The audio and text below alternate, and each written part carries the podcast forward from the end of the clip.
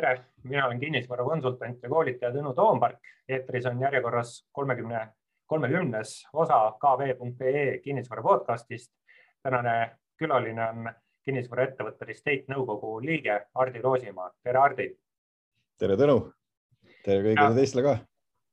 ja, ja täna räägime äripindadest ja investeeringutest ja, ja võib-olla enne kui jututeemade juurde läheme siis äh, räägi paari sõnaga, Hardi, ole hea, et mis asi estate üldse on ja, ja ma jäin mõtlema, eks, et sa oled kaua kinnisvaraäris olnud, et mitu kriisi sa näinud äh, oled tänase kõrval? noh, praegu tundub, et ma olen neid kriise näinud rohkem kui Restate, et äh, Restate ise on, on niisugune äh, täis kinnisvaramaja, et meil on nii arenduspool kui nõustamispool ja, ja see nimi tegelikult kasvas välja meie nõustamise poole pealt kunagi ja, ja siis liitusime sellise toreda ettevõtmisega nagu Hammerhead, kes olid arendusettevõtted ja tänaseks kasvanud selliseks ühtseks grupiks. Ehk et äh, iga meil põhimõtteliselt juba kümme aastat ei ole nagu uued tegijad, et äh, tunneme natuke turgu ja, ja viimastel aastatel on järjest põnevaks läinud, põnevamaks läinud, et, et niisugune nõustamis- ja arendusettevõte, kuna meil endal on väga palju projekte, siis, siis me praegu oleme niisugune äh, seitsekümmend protsenti kulub enda ettevõtmiste peale ja arenduste peale ja kolmkümmend protsenti me teeme avatud turul nõustamist. aga, ja, ja ka nende kriiside kohta siis, äh, siis prooviks nagu varvaste peal kokku lugeda, et, äh, et vist äkki tuleb mingi selline neli või mis seal võib olla, kui need dotcom'id ja need asjad ka võtta, et kinnisvaras tegelikult vist äkki on, läheb kolmas nüüd on ju. ja et kui praegu, praegune, eks siis koroonakriis, siis ja siis noh, kas Krimm, eks võib-olla Krimmi võtmine kaks tuhat neliteist läks meie turust pigem mööda, aga siis mm. kaks tuhat kaheksa aasta Lehman, eks siis dotcom ja Venemaa, nii et see on isegi viis, viis tükki. jah, just, et ikka neid ikka nagu on jah, on olnud ja mõni lööb meid rohkem või vähem, aga ausalt öelda no niimoodi nagu see kahekümne tuhande, kahe tuhande kaheksanda aasta oma meid lõi, aga nii, nii äh, ei ole vist ükski teine ka löönud ja, ja ega me enam nii rumalad ei ole ka, kui me siis olime aga, aga lähme siis äh, teemade juurde, selgelt paneb meie teemade äh, toonid paneb paika see, mis, äh, mis siis Ukrainas toimub. Venemaa alustas kahekümne neljandal kuupäeval ehk siis meie salvestuse eetrisse mineku hetkest kuu aega tagasi agressiooniga Ukraina suunas. Ja, ja, ja, ja mis nüüd siis mm, mis, mis siis äh, Vene agressioonile eel, eelnes, et oli vägede koondamine, siis pandi saatkondasid kinni, põletati dokumente seal, märgistati sõjatehnikat ära Z-tähtedega. mis teie tegite jaanuaris-veebruaris Risteidis, et äh, eks te ju ka kindlasti nägite, mis äh, toimumas on, et kas hakkasite sõjaks valmistuma? No jaanuaris kindlasti mitte, et äh, veebruari lõpp oli ikkagi pigem see, kui see asi siin toimus ja kui need jutud teemaks läksid, et me, me päris palju arutasime siin ka oma maja sees, et mida me usume, mis toimub ja noh, ma olin, ma olin siiski niisugune sinisilmne eurooplane, kes arvas, et, äh, et heidutus on väärtuslikum relv kui, kui päris relv. ja, ja endiselt arvan nii, aga, aga üks riik otsustas teisiti et see, mis juhtus, siis tegelikult läks kõvasti vastu meie, meie prognoose ega me istusime ja kaalusime ja mõtlesime tol hetkel juba, et mis iganes juhtub, et äh, meie oma projektidega nagu pidurit tõmmata ei saa või ei soovi. meil on väga dünaamiline, hästi tugev äh, müügimeeskond ja me, me paneme kõik panuse selle peale, et, et me teeme lihtsalt tõesti nagu jõuga tugevamini tööd siis, kui on rasked ajad. ja näiteks eelmise siis koroonakriisi ajal see tõestas, tõi meile päris suurt tulu just sellepärast, et me liikusime natuke nagu turuga teises suunas et äh, praegu oleme samal seisukohal, aga, aga need asjaolud ju muutuvad vaata igapäevaselt, eks. et nüüd äh, kuu aega kriisis sees ja, ja, ja niisugune lõbus vahe juhtub võib-olla, et läksin siis meie ehituse projekti juhilt küsima, et kuidas nende ehitusmaterjalidega siis tegelikult on, et armatuuri puudusest räägitakse ja see võis olla äkki siis teisel nädalal sinna sellesse kriisi sisse ja siis ta ütles mulle, Hardi, et mis sa nalja teed, et eelmine esmaspäev juba osteti kõik ära et, et see reaktsioon nagu ehitusturul oli väga kiire ja täna me siis äh, ootame põnevusega iga järgmist äh, ehituse hinnapakkumist, nii et arendust mõjutab ta väga-väga kõvasti. väga otseselt. mis, mis tunded sind üldse ennast valdasid, kui Venemaa sissetungist Ukrainasse kuulsid, et mis mõtted no, pähe tõid no,? suur kurbus ikka, suur kurbus eelkõige sellepärast, et tegelikult selle nagu majanduslikku mõju on väga raske nagu niimoodi kaugelt hinnata, et mismoodi see meid lööma hakkab, sest et ega siis see, see rünnak ju meid ei löönud, meid löövad ju praegu need sanktsioonid, mida me ise oleme kohaldanud. Ja, ja, ja kõik need äh, nii-öelda logistikateede äralõikamised, muud sellised asjad, et mida siis varasemate konfliktide puhul ei ole ju nagu rakendatud nii jõuliselt. Ehk et seda me praegu tunnemegi ja, ja lõppkokkuvõttes lahendused tulevad siis, kui me leiame nagu teised, teised suunad, kuskohast needsamad materjalid kätte saada. ega siis maailmas äh, neid nii-öelda tooraineid ja materjale puudu ei ole, et meie pisikese turu jaoks ikka jätkub, lihtsalt need tarneteed muutuvad. aga kui me nüüd ega jah, et ega, ega, ega nagu tol hetkel ei osanudki nagu muud tunda kui sellist nagu e-, eelkõige nagu imestust ja siis nagu kurbust, et kuidas nii, nii saab juhtuda. Kui mina kahekümne neljandal Toompeal lipu heiskamisel kuulsin, läksin kodust välja ilma uudiseid vaatamata, siis äh, jah, et äh, sõna kurbus on võib-olla väga hea ja ma ütleks, et ka paraad, kus ma käisin äh, lõunaaeg oli, läks kuidagi suhteliselt kurvas meeleolus või võib-olla, võib-olla siis ma lihtsalt ei suutnud rõõmu näha. Äh, aga, aga, aga kurbus oli ka see sõna jah, mis minu, minu tundeid toona või, või siianigi iseloomustab hästi. aga, aga kui sa äh, tõid siis siin logistika teemasid sisse, eks, et noh, meil on eks sõda, mis on vast kõige olulisem teema, meil on energiakriis käimas, mis, mis võib-olla äh, on sõja üks osa. Äh, äh, meil on tervishoiukriis, meil on siin uus omikroni tüvi. Äh, vahepeal loodeti küll, et tervishoiukriis hakkab otsa saama, aga noh, maskikohustus on meil olemas. Meil on võlakriis käimas, noh, logistika tarneahelad, mis tuleb vähemalt kogu Euroopas ümber vaadata. kliimakriis pole ka kadunud, et kas maailm saab otsa, et äkki äkki nagu lõpetaks äritegemise ära ja hakkaks säästudest niimoodi, kuidas olla, ülevoolavalt elama, et naudiks elu viimaseid päevi. No ei, vist nii päris ei saa olla, et kui see eelmine kriis äh, lõppes, siis ju, siis ju oli igal pool oli kõigi jutt oli see, et järgmine kriis tuleb sealt, kus me seda kõige vähem oskame oodata. ja eks, eks iga eelmine on täpselt samamoodi olnud ju selline, mida me tegelikult ennustada ei oska. et selles muutuvas keskkonnas lihtsalt peab ellu jääma meil on väga-väga turbulentne nagu keskkond praegu ja ausalt öelda natuke meid see viimaste aegade arengud on äh, aidanud just selles mõttes, et see koroona selline kerge tagasilöök, mis siis tõi endaga kaasa ka reaktsiooni ja niisuguse tagasipõrke ehk et need hinnatõusud ja kõik muud asjad natuke sillutas ka teed sellele, et me täna võib-olla oleme veidi tugevamad, et, et ka nende nii-öelda klientide ootused on täna ikkagi sellele, et asjad kipuvad minema kallimaks, on ju, ja see ei tekita enam sellist nagu väga agressiivset vastureaktsiooni, vaid pigem nagu kõik üritavad lahendusi leida. Et, et äh, meil on täpselt samamoodi, et kui me teame, et ehitushinnad äh, projekti käigus noh, võivad nelikümmend protsenti kasvada, eks ole, siis see tuleb see risk kuskile sisse kirjutada, on ju, ja ja meie oleme juba ju tegelikult äh, mõningad aastad lähtunud sellest, et kvaliteet peab olema piisavalt hea, et pakkuda turust mõni euro kõrgemaid üüre ja, ja, ja see on siiamaani ennast õigustanud, et nüüd, nüüd, kui see nii-öelda päris kulupool järgi jõuab, eks, eks me ootame põnevusega. Me ei ole õnneks võtnud ühtegi sellist äh, väga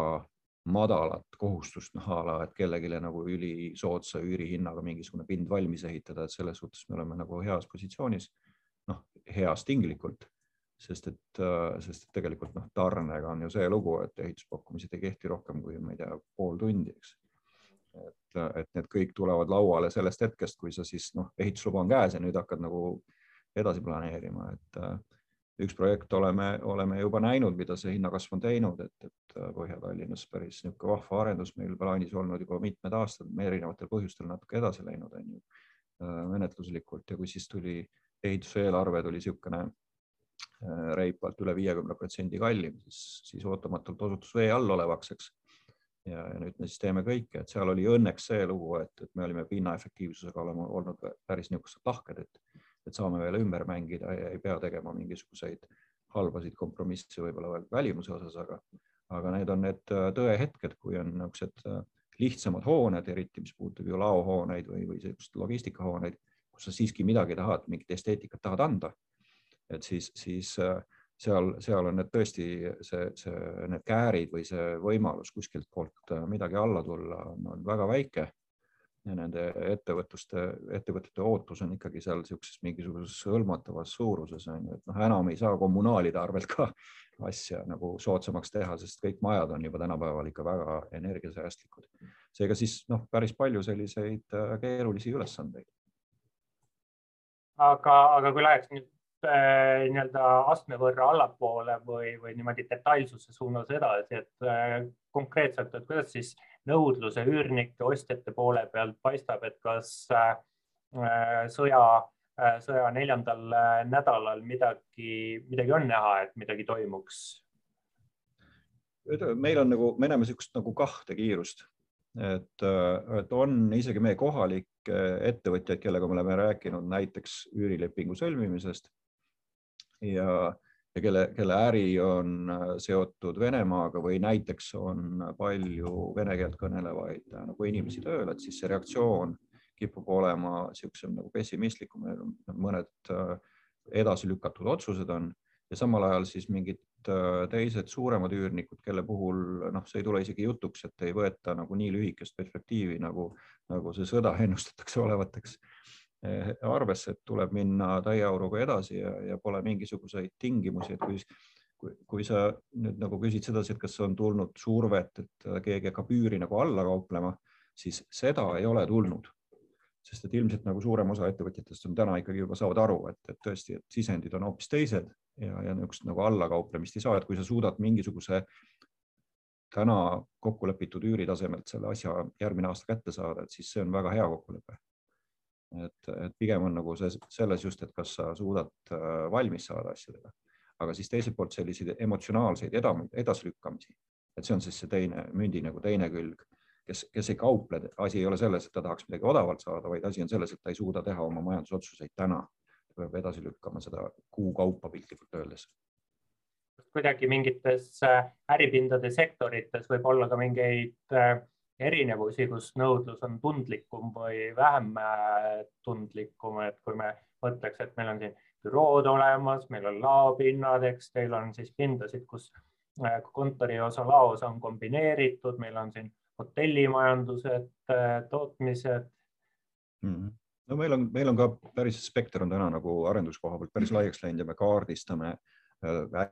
hästi laialt, et no me võtame lihtsalt nagu nii-öelda siis ütleme tegevuse haru kaupa ja, ja proovime kaardistada endale kliendid otse nagu ära, et see on päris selline äh, tihe nagu otse klientidega töö, aga annab kõige parema tagasiside ja ausalt öelda mulle tundub, et see foon täna ei ole nagu enam nii eriline, kui koroona sees oli see, et tõesti sa nägid selgelt, et toitlustus ja, ja majutussektoril oli nagu väga valus. kui teised võib-olla ei tundnud seda, siis, siis praegu on niimoodi, et pigem, pigem need, need otsused ongi sellised, et seal ei ole täna sellist selgest süsteemi. Ja see lihtsalt iseloomustab seda, et, et selgus puudub, mitte asi ei ole täna nagu äh, konkreetses prognoosimises, mis hakkab juhtuma, vaid selles, et on teadmatus ja mõned suudavad teadmatusega nagu paremini opereerida kui teised. ja, ja noh, orienteeruvalt see meie suur nii-öelda sõltuvus nagu Venemaa ärist on ju tegelikult noh, üsna väike, eks aga, aga ka kaks-kolm protsenti majandusest on nagu suur nendele, kes selles sektoris sees on, on ju, keda see konkreetselt puudutab. nii et võib-olla me ei ole siis nagu äh, neid kõige, selles kõige valusamas nagu sellises epitsentris neid päringuid saanud, eks ole. aga, aga, aga laias laastus jah, me, me ei ole, me ei ole näinud, et oleks täna tugevat survet üüridele ja tegelikult me ju ise prognoosime, et, et siin pole lootustki, et midagi odavamaks läheb et tänases äh, pildis on selge see, et, et hinnad hakkavad pigem tõusma. sisuliselt võiks siis nagu julgustada, võtta positsioone sellistes noh, arendusprojekt kaks aastat. et äh, võiks ju olla üsna turvaline eeldada, et kahe aastaga see sõda siiski saab läbi, eks ole, ja mingisugused lahendused leitakse ka siis, kui see konflikt ei saa läbi, on ju. nii et, nii et äh, see on küll nagu koht, kus ilmselt niimoodi mõtlevadki need üürnikud, kes, kes ei ole täna mitte mingisuguseid nii-öelda äh, märke näidanud, et nad ei kavatse edasi rääkida või enda lepingut sõlmimata jätta. kas hinnatõusu prognoosi alus ongi siis äh, no ütleme, üldine inflatsiooniline keskkond, et kõik kallineb, et siis lähevad üürihinnad ka üles? kipub olema, sellepärast et sa ei suuda enam samal tasemel nagu valmis ehitada mitte midagi. et kui, kui minna selline, võib-olla kaks aastat tagasi me ehitasime neid kombineeritud laopindasid seal suurusjärgus seitsmesaja euro juures ruudust.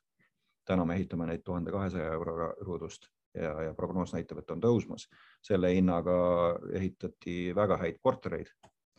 et, et see, see keskkond on nagu nii, nii tõsiselt muutunud. jah, on loomulikult võimalik leida ka veel mingisugust säästu ja ka meie mõtleme ümber, et kuidas materjalidega nagu midagi kombineerida, et kas, kas liimpuit on uus metalli asendaja, ma ei tea, mida iganes. Et need kaalutlused ja mõtted tuleb kõik läbi teha, eks ole, ja, ja muidugi arhitektidele hirmsasti see meeldib. aga, aga kuidagi ei tahaks anda tagasi ju elukeskkonna kvaliteedi arvelt, et,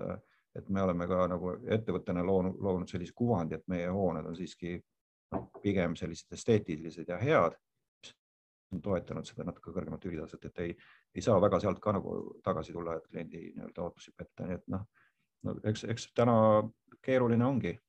Et mina arvan küll, et see sisend paneb selle templi, kui, kui on näha, et äh, siiski äh, nii-öelda ostujõud on märkimisväärselt kasvanud. tõsi küll, ärisektoris peab natukene nagu arvestama sellega, et see, et inimeste palgad tõusevad, ei tähenda, et ettevõtete äh, võimekus kasvab. et kahjuks sageli halva planeerimisega, see on ju pöördvõrdeline, et, et palgad tõusid küll, aga kasum kukkus. kui kasum kukub, siis nagu uut ja paremat ja kallimat äripinda pole võimalik võtta ja kui seda pole võimalik võtta, seda laiendust, siis võib juhtuda, et sa kaotad mõned lepingud, et seal on nagu päris suur niisugune omavaheline seos, et, et, et nagu hea selline loogiline prognoos ütleks, et pisut peaks pidurduma nüüd nii-öelda siis selle palgaralli kasv, eks ole ja, ja samal ajal tuleks turgutada siis ettevõtete kasumlikkust, et nad suudaksid sellel uuel tasandil nii-öelda jälle opereerida. aga eks me näeme, kui palju seda ümberhäälestamist nüüd, nüüd siis hakkab tulema. aga äripindade pakkumise poole pealt äh, sain aru, eks, et teie oma projekte seisma ei pane, et eks raske ole panna seisma projekti, kus ehitus on juba alustatud ja ehitajaga on eks käed löödud ja sest selline seisma panemine tekitab äh, kulusid ehk ehituse alustamiseks, võib-olla on ka mingid üürilepingud sõlmitud, aga kui täna peaks otsustama, kas alustada ehitust või mitte, et et äh, mis te, mis te sellises olukorras teeksite, et kas läheksite niisuguse projektiga ka edasi, et no võtategi pakkumise, hakkate nüüd ehitama? pakkumise võtame me üsna varakult tavaliselt, me üritame oma prognoosid nagu äh, kiiresti ära teha, et, et aru saada, mis toimub, aga, aga nende varakult võetud pakkumistega on nagu see lugu ka, et nad selleks nagu päris ehituse alguseks siis kipuvad muutuma, et et me oleme pigem ikkagi nagu selles, et, et me ei ole nii suur ettevõte, et me võiks endale lubada äh, lihtsalt miinusega edasi panna. et äh, juhul, kui tekib see hetk, et me näeme, et selgelt nagu sisendid on nii kõrged, et meil projekt on miinus, päeva lõpus miinuses, et see müügihinda kasvuprognoos või mis iganes ka samal tasemel olev prognoos ei, ei toeta seda siis, siis me seda pidurdame, et, et võib-olla meie õnneks meil ei ole hetkel just sellist, kus me peaksime niisuguse otsuse tegema mingit projekti, on ju. Aga, aga seesama näide, mis ma ennem tõin, seal oli tõesti niimoodi, et äh, me saatsime tagasi arhitekti lauale, et efektiivsust tõsta, sellepärast et vastasel juhul ei ole võimalik nagu, nagu teda valmis ehitada, et äh, seal on ta natuke varasemas faasis. aga, aga jah, ma arvan, et ega siis lõppkokkuvõttes on, võttes on ikkagi see, et, et nagu ettevõte peab teenima kasumit selleks, et olla elujõuline ja, ja, ja noh, sellest tuleb lähtuda, et pole, pole nagu vägisi punnida vaja. Aga kui me pakkumist äh, vaatame praegu, eks, et noh, elamispindade turul on selgelt äh, meil olnud pakkumiste defitsiit äh,, aga aga kuidas äripindade turul on, eks, et kui meil äripindade turul on, ütleme enne sõda oli nõudluspakkumine tasakaalus, siis, siis võib-olla on ülepakkumisel, mis võiks hindu mõjutada, kui ikkagi negatiivse stsenaariumi peale mõelda, siis on no. ülepakkumisel hõlpsam võimalus tekkida kui olukorras, kus on defitsiit või, või oli siis enne sõja puhkemist äh, ülepakkumine või kuidas sa seda hetke kirjeldaks nõudluse pakkumise tasakaalu mõttes, mis oli enne sõja puhkemist? no eks need ehituslubade ja kasutuslubade numbrid tegelikult näitavad, mis, mis toimumas on, et äh, meile endalegi suureks üllatuseks eelmise aastased mahud ju sisuliselt kukkusid peaaegu kolm korda onju. Eks seal on mingi järelmõju veel selle koroona alguses tehtud nagu tagasitõmbamisele, mis tähendab sisu sisuliselt seda, et, et meil juba väike vaakum on tekitatud, et, et see otsus, mis täna tuleb, on juba täiendav, kui keegi otsustab loobuda projektide nagu käimalükkamisest, siis, siis tõesti see, see vahe oli ju nii suur, et büroo pinda tuli vist eks kolmandik, eks ole, ja, ja, ja ladusid äkki pool või midagi nagu ladusid vist tuli, tuli nagu peaaegu samamoodi nagu varasematel aastatel, aga, aga, aga büroo ja kaubandusega oli küll see, et, et nagu väga vähe tuli pinda, mis tähendab, et, et tõenäoliselt äh, see vastab sellele edasi lükatud ootusele, et noh, oli ka nagu soovijaid vähem, aga, aga nagu pikas perspektiivis see hakkab ennast ühel hetkel kompenseerima. nii et, nii et täna ma arvan, et, et see sõda on järjekordne selline hoob, mis tõenäoliselt seda pakkumist äh, ohjeldab, eks ole, ja siis tulemus on see, et sul tegelikult pakkumist on vähe ja hinnad kipuvad tõusma, et, et noh, siin on selline nagu puhas füüsiline nagu kvantitatiivne surve ka peal. Et kui pakkumist jääb kümme protsenti vähemaks, aga nõudlust jääb kümme korda vähemaks, siis on ikkagi, eks napp, ühel hetkel napp-pakkumine muutunud oluliseks äh, ülepakkumiseks, sest, sest kui võiks öelda, et sõda mõjutab ebakindlust ja surub hindu alla, aga, aga inflatsiooniline keskkond, eks surub hindu üles, siis nad kuidagi ei ole nad nagu ei puutu vastastikku, vaid nad lähevad teatud mõttes teineteisest mööda ja võivad niisuguse täiusliku tormi tekitada, kui kõik asjad lähevad väga halvasti. võivad, võivad, et, et loomulikult seda keskkonna ka nagu ei saa, aga ütleme, et maailma ehitavad ikkagi optimistid, et siin peab natukene jätma seda, seda tulevikulootust ka sisse, ilma selleta ei saa ja kinnisvaras ju, ju asi on nii, et sul projekti äh, realiseerimisfaas nii-öelda, kui sa võtad siis nagu arendusprojektina on circa niisugune viis aastat, eks ole et võib minna kiiremini ja mõne asjad saavad kahe aastaga valmis, aga alustades siis planeerimisest, projekteerimisest, kõigest, et niisugune viis aastat terve ootus. Ja selle aja jooksul jõuab keskkond nii palju muutuda ka, et tegelikult siis, kui sa siis lõpuks oma selle natuke hiljem alustatud projekti äh, käima lükkad, siis võib selguda, et sa oled nagu lootusetult ajast maha jäänud, et teda ajastada või tuled mingi tohutu pakkumislainega korraga turule, eks ole nii et, et loomulikult, eks, eks me kõik ootame, et see majandus on sinusoidne ja, ja sellised korrektsioonid peavad läbi käima. aga nüüd küsimus ongi, et, et kui noh, kui tugev see korrektsioon tuleb, eks ole, ja kui, kui suurelt oleme sõltuvuses sellest, sellest, mis toimub, eks ole, Ukrainas. kas ta, kas ta mõjutab meid, noh, eks ta mõjutab usku, ta mõjutab ka raha kättesaadavust, täna küll seda veel näha ei ole aga, aga mingil moel peab ta nagu hakkama kuskil kajastuma, et, et eks, eks see tõehetk ilmselt alles saabub. aga kui me nüüd prognooside peale mõtleme, kui kaugele sa tahaks ette vaadata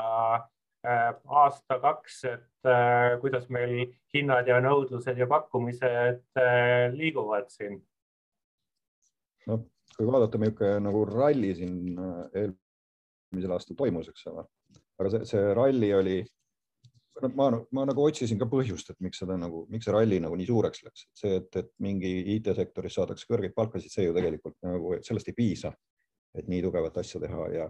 ja eks eks seal oli juures äh, muud rekordid, seesama nii-öelda äh, nii-öelda ettevõtete soetamise ja investorite kaasamiste buum ja, ja, ja mingisugust teatud valdkondade nagu täiesti uus liikumissuund, et noh see kõik külvas äh, päris palju lisaraha, et noh, paljud ju, ju, ootasid ja lootsid ka selle pensionireformi peale, mis nagu välja võetud, et, et ka sealt midagi tuli, aga sealt tuli nagu noh, nagu kaduvväike osa, eks ole, sellest, mis, mis tegelikult tuli mujalt. nii et, äh, nii et noh, see on ju selline nagu laine, et ta käis nagu üle meie turu ja ta ei ole nagu pikas perspektiivis jätkusuutlik või siis ta loob mingi uue sellise normaalsuse on ju ja enam ta ei ole midagi, midagi eriskummalist, et, et ma arvan, et, et me, me peame ikkagi selle peale vaatama, et see ühel hetkel see, see kasvuhüpe stabiliseerub. küsimus on, millisel tasemel ta stabiliseerub. et nii nagu me siin ootasime, et me saame ennast Põhjamaadega võrrelda, noh, kulu poole pealt kindlasti juba saame et, et tuluga nagu läheb aega, eks et äh, nii kipub see meil olema ja, ja, ja, ja ega, ega siis lõpuks ettevõtted, kes, kes äh, mingit head asja teevad, nad tahavad selle eest ka nagu väärika nagu tasu saada ja, ja seal, seal ühel hetkel ongi otsus, et kas sa annad oma laopinna välja, ma ei tea, kümme eurot ruutmeeter või sa lihtsalt jätad ta ehitamata. siis majanduse konjunktuur näitab, kas nii palju lisaväärtust suudavad teha need ettevõtted, kes selles laos nagu tegutsevad kui nad lihtsalt kasti ühest kohast teise viskavad, ilmselgelt siis ei saa, aga kui nad suudavad sinna mingi teenuse juurde müüa, siis võib-olla nad suudavad maksta isegi rohkem kui kümme eurot. et natuke selles, sellises muutuses me oleme. aga nüüd no võtaks niimoodi konkreetselt näiteks, et äh, ärikinnisvarasse tehtavad investeeringud, kas siis läbi arenduse või investeeringute ostmise, et äh,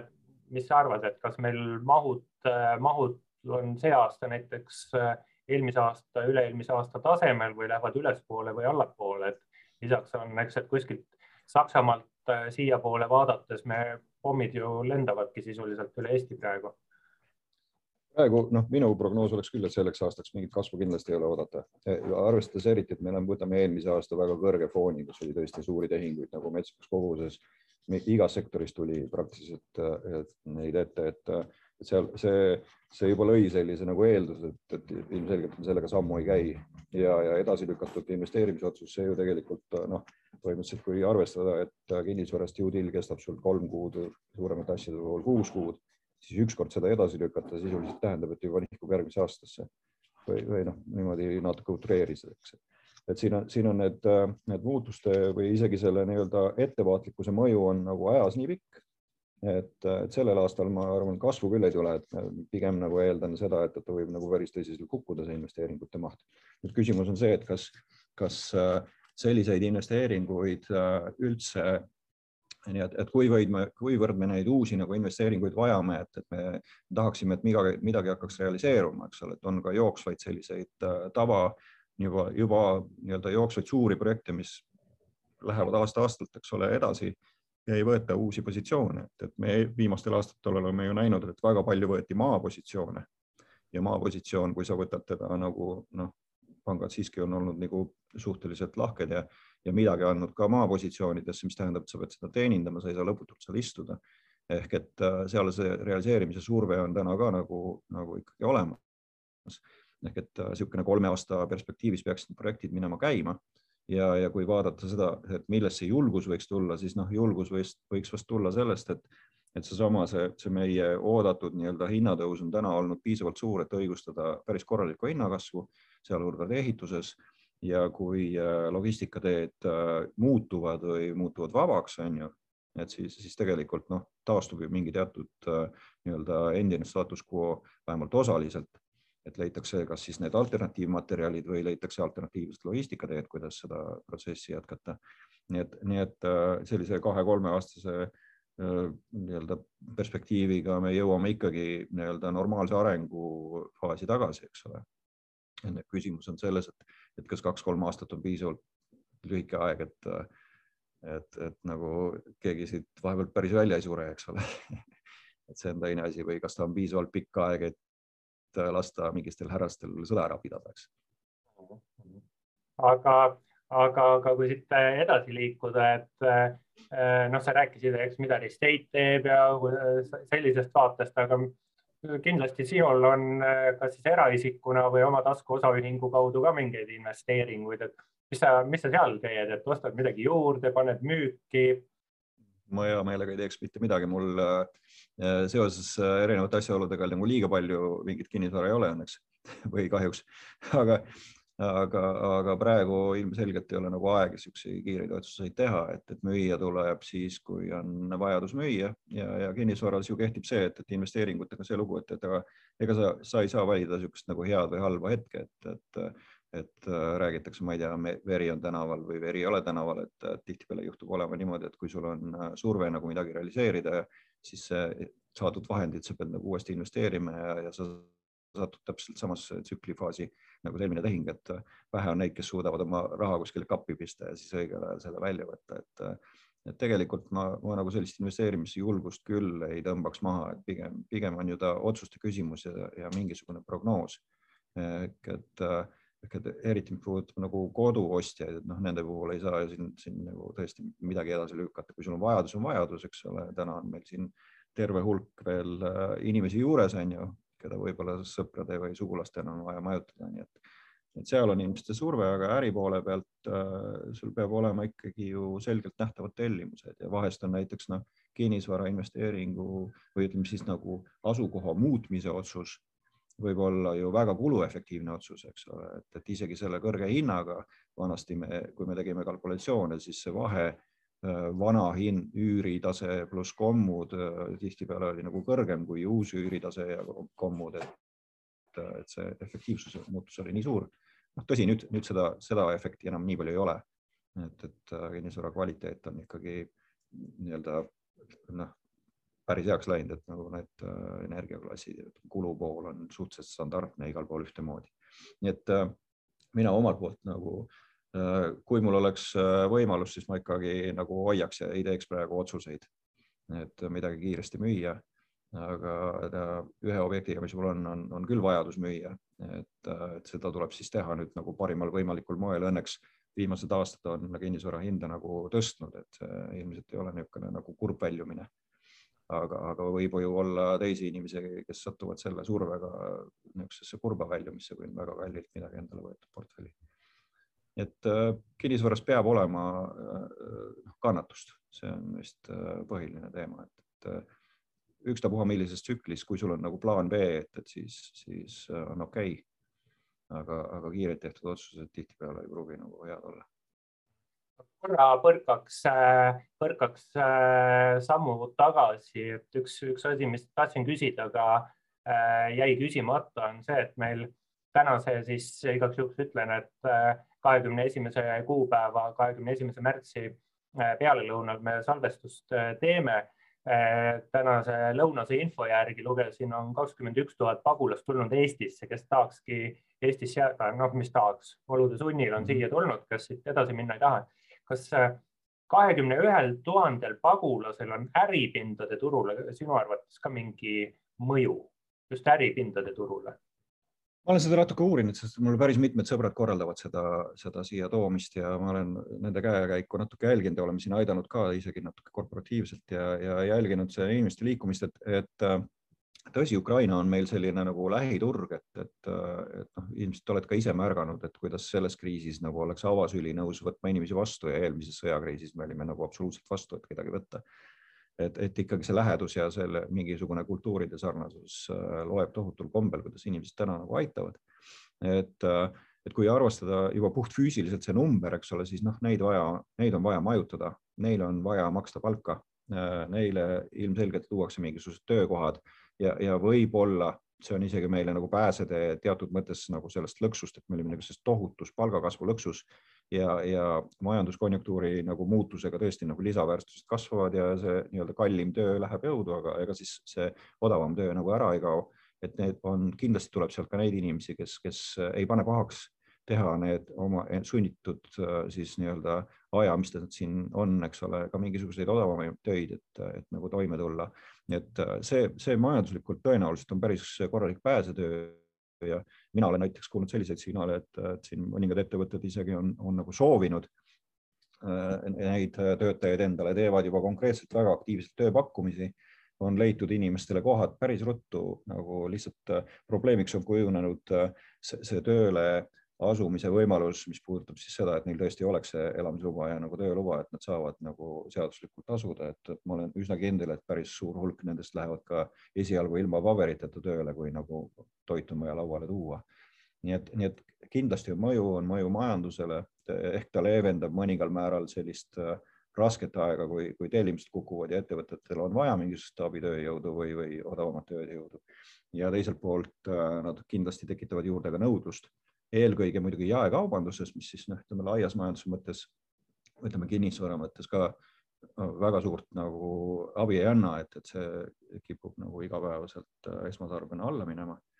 aga, aga jah, mõju, mõju päris kindlasti on ja mina kuulsin ka jah, minister Riisalu ütles, et, et olla meilt läbi liikunud peaaegu kolmkümmend tuhat tänaseks juba ja, ja ma arvan, et seal on neid inimesi ka veel, kes kes äh, on, on siin ja, ja tõesti mingite sõprade juures võib-olla varem tulnud või mis iganes, et kes teab, mis see number nagu täpsemalt on, eks. nii et äh, see on väga suur hulk, kui me siin aastaid kaklesime oma kahe tuhande üle ja, ja mõtlesime, kas see on palju või vähe, siis me oleme täna kümme korda rohkem võtnud neid inimesi ja, ja ühiskond on endiselt avasüli nagu ootamas, et, et seda, seda on tore näha, seda inimlikkust. sekundeerin, seda on tore näha, kui kui heasüdamlikud on Eesti inimesed, kes võtavad naisi-lapsi, kes on tõepoolest, eks kõik maha pidanud jätma, kes on väga suures hädas, võetakse vastu, eks erinevalt siis mõni, mõningatest teistest, kus kahekümne viie, kolmekümne aastased noormehed tulevad äh, näpud püsti ja kõike nõudmas, et võib-olla siin pagulasel ja pagulasel on vahe, vahe ka. eks on, eks on jah, aga eks, eks see pagulus, pagulase suhe ühiskonda suureski tekib ka selles reaktsioonis, kuidas tal vastu võetakse, et ilmselt, ilmselt see niisugune südamlik vastuvõtt genereerib ka seda omamoodi nagu siis nagu lugupidamist ka selle tulija poolt. nii et, et eks ta on selles mõttes seotud. nii et jah, ma usun küll, on, on mõju, me seda mõju alles näeme, sest nende inimeste tekitatud lisaväärtus alles hakkab tekkima ja nüüd küsimus on see, kui palju me siis riigi poolt peame neile andma tagasi selleks, et neid äh, koolitada, harida, majutada, mis iganes nagu, et seda, seda abi anda, et et täna, täna tundub, et nagu eraisikud küll nagu penne ei loe, et äh, antakse hinge tagant kohe nagu kõik ära, eks ole, mis anda on, mis on väga vahva. aga noh, seda ei saa, sa ei suuda teha nagu mitmelainena, et ma ise ka korjasin kodust nagu kõik viisakamad mingisugused lasteriided kokku ja, ja no mis tõesti no ei taha nagu mingit vanarämpsu anda, et et mõtled, et sa suudad teha seda võib-olla korra, võib-olla kaks, aga siis nagu kui sõda jätkub, siis see olukord ju noh, muutub. et vaatame, kuidas meil Eesti Vabariigina nagu staminat on. Et, et see selgitab küll praegu. Mm.. aga, aga võtakski siit jutu otsad kokku, et, et lõpetuseks me oleme ikka tahtnud anda kuulajatele-vaatajatele mõne nõuande ka, et on sul mõni hea selline kokkuvõtlik nõuanne äripindade poole pealt siis maakleritele, investoritele, arendajatele, üürnikele, üürileandjatele, et mida siis, mida siis tänases turuolukorras teha või või veel parem, et kuhu investeerida täna, et mis on niisugune, voh, niisugune, niisugune mõte on pähe tulnud? oh, kui oleks see kristallpall, eks ole, eks, et seda, neid optimistlikke mingisuguseid äh, ennustusi võib teha. Ma, ma kaldun arvama, et me ei pane nagu väga palju mööda, kui me eeldame, et uh, hinnakasv ikkagi veel, veel nagu tuleb, et ta ei ole veel läbi, mis puudutab siis äripindasid uh,, küll büroo, küll uh, lao noh, see võib puudutada absoluutselt igat, äh, igat sektorit. Just sellesama põhjusel, et, sisendid äh, kasvavad, et äh, kui kuskile, kui kuskile investeerida, siis, siis ma arvan, et täna lihtsalt peab veelgi rohkem mõtlema selle peale nii-öelda nagu nende vahepeale unustatud selliste heade tavade peale, mis puudutasid siis, siis tõesti nagu kvaliteeti ja elukeskkonda ja, ja, ja, ja sellist äh, see monofunktsionaalsete kinnisvaraobjektide aeg on tegelikult möödas, et, et komplekslahendused, segatud kasutused, see tunduvad, tundub olevat nagu õige suund. loomulikult me peame arvestama, et farmaatsiasektori pool ja tervishoiusektori pool on ikka luubi all päris tõsiselt ja päris pikaks ajaks, et see see, mis puudutab äh, meditsiini ja puudutab esmatarbekaupasid, tõenäoliselt on, on, on kuumad ja seal tegelikult peab vaatama, kuidas inimeste tarbimisharjumused äh, muutuvad. kaubandus on olnud natuke nagu peksupoisi osas, eks ole. et, et ma usun, et, et see, see selline, see, ei saa lõputult kesta, et, et selliseid äh, natuke ootamatusse kohta tulevaid kaubanduskeskuseid tõenäoliselt me näeme ja, ja näeme kettide proovi ennast nagu tugevamaks muuta, eriti noh, mis puudutab Lidli tulekust, eks ole, siis äh,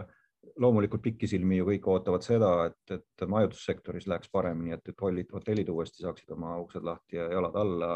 Nad ise, ma pean ütlema seda, et, et siis, kui see hakkas kogu see pull äh, kaks tuhat äh, kakskümmend alguses nad prognoosisid, et taastumine toimub aastaks kaks tuhat kakskümmend neli. ma arvan, et me ei ole nagu väga kaugel sellest, et see, see tõesti on nagu selline realiseeruv äh, ootus. noh, paljud olid natuke optimistlikumad, aga praegu tundub, et selles majutussektoris on nii läinud.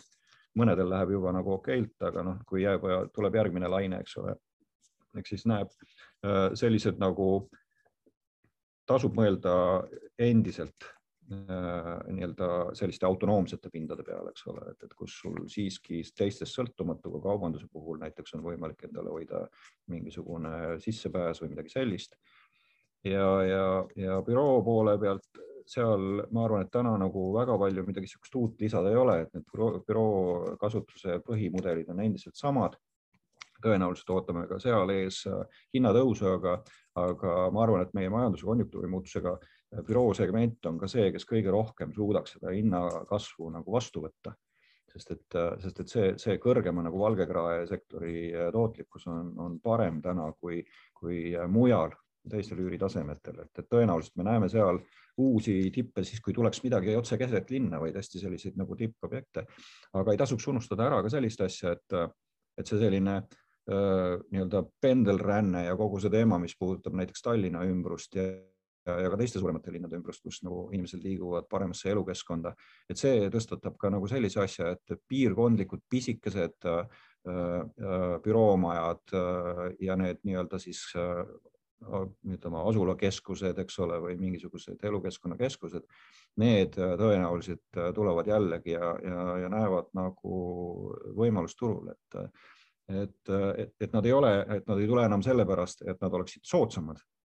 vaid nad tulevad sellepärast, et nad on, et nad on lihtsamad elukvaliteedi mõttes. et, et seesama, see, see koroona tegelikult oli suurepärane test näiteks selles kodukontori äh, lahenduses, eks ole, et kui sa, kui sa saad kaks aastat lihtsalt eksperimentaalprojektina proovida seda, et kuidas siis päriselt on töötada kodukontoris, mida kõik nii lõpuni kiidavad, on ju, siis, siis ilmselgelt sa saad aru, et, et kas sul on sisemist motivatsiooni, et see sinu jaoks on efektiivne või ei ole. nii et, nii et praegu küll tundub, et nagu vast ehk kümme protsenti on sellisest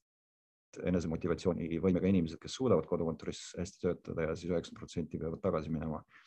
natuke traditsioonilisemate variantide poole. võib-olla see üleminek enda nii-öelda piirkonnakeskuses asuvasse nagu büroomajja on oluliselt loogilisem, kui minna tagasi näiteks, ma ei tea, kesklinna, kus, kus mõned, noh, kõikidel ettevõtetel ei pea olema niisugust tohutu suurt lipulaeva, eks ole. nii et, nii et sellised mõtted ma arvan, investeerimissoovitusi äh,, nagu sa ise hästi tead, ei anta, on ju. nii et äh,, nii et äh, selle poole jätame kõigile vabaks otsustada. aga, aga mulle tundub, et praegu on niisugune, tuleb suur edasilükkamise aasta. aga suurt äh, hinnaleevendust ma sellega seoses äh, ei usu tulevat sellel on kaks asja, et noh, ettevõtja poole pealt ju, ju tore, kui saab rohkem üüri küsida aga teiselt poolt äh, seal peab olema taga ka majandus, mis siis toetab neid kõrgemaid üüre ka nagu nii-öelda ärikasvumi mõttes, et, et väga loodan, et, et, et äh, meie ettevõtlussektor ei, lähe nagu jalad alt ära seoses energiaturu ja kõige muuga. ma arvan, et see energiaturu lahendused ka leitakse alternatiividena. nii et, nii et äh, noh, lõpusõnadena ma ütleks, et optimismi ja, ja mitte liiga palju jääda kinni sellesse tänasesse hetke, mis toimumas on, et vaadata natuke kaugemale, et konfliktid ja kriisid ju lõpevad ja kõige edukamaid ärisid on tehtud pärast konflikte ja kriise.